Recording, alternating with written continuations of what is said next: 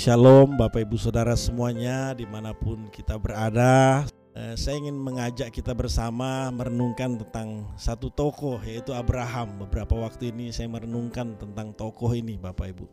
Biasanya kalau kita bicara tentang Abraham Kita bicara tentang imannya Bapak orang percaya.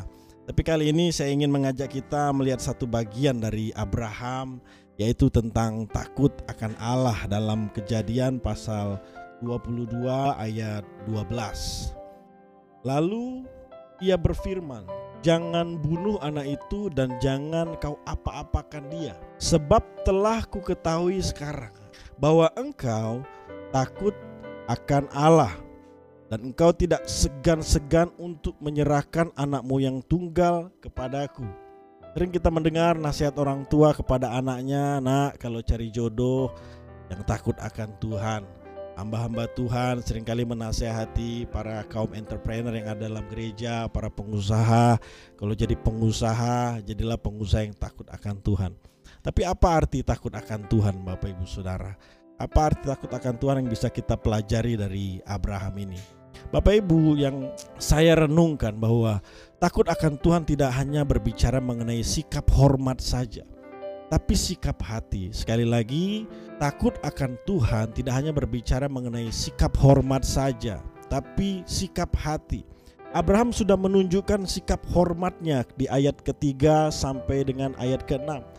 Ketika Allah memerintahkan kepada dia, persembahkan anakmu, bawa bunuh, korbankan anaknya. Bapak Ibu, ketika perintah itu turun, Abraham menaruh sikap hormatnya. Dari ayat 3 kita sudah lihat persiapan Abraham, dia bangun pagi, lalu dia memasang pelana keledainya, memanggil dua orang bujangnya, dia persiapkan segala suatu peralatan untuk persembahan, termasuk dia ajak anaknya naik ke atas gunung, Bapak Ibu Saudara. Ini merupakan sikap hormat dari Abraham kepada Allah ketika Abraham diperintahkan oleh Allah. Tetapi Bapak Ibu Saudara, takut akan Allah tidak hanya berbicara sikap hormat saja, tapi sikap hati Bapak Ibu.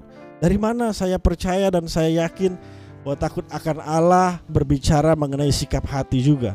Dari ayat yang baru saja kita baca, jelas sekali Allah berkata, sebab telah ku ketahui sekarang.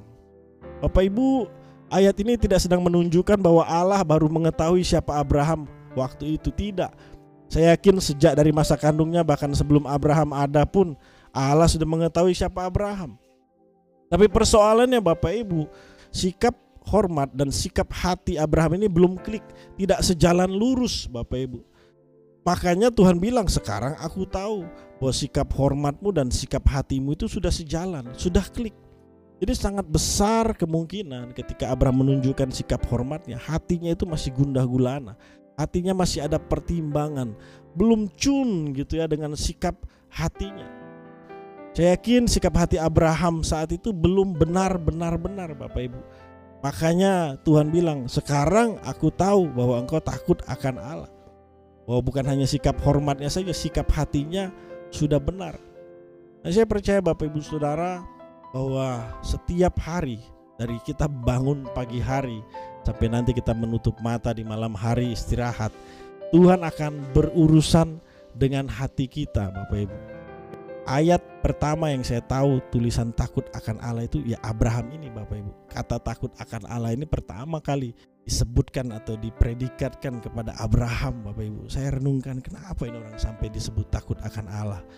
Karena akhirnya sikap hormatnya sejalan dengan sikap hatinya. Klik Bapak Ibu. Baru layak disebut takut akan Allah. Tapi sikap hormat tanpa disertai sikap hati yang benar belum takut akan Allah Bapak Ibu. Sebaliknya ketika sikap hormat, sikap hatinya klik, takut akan Allah. Hatinya benar-benar benar. Demikian renungan singkat di hari ini. Tuhan Yesus mengasihi kita semua. Shalom.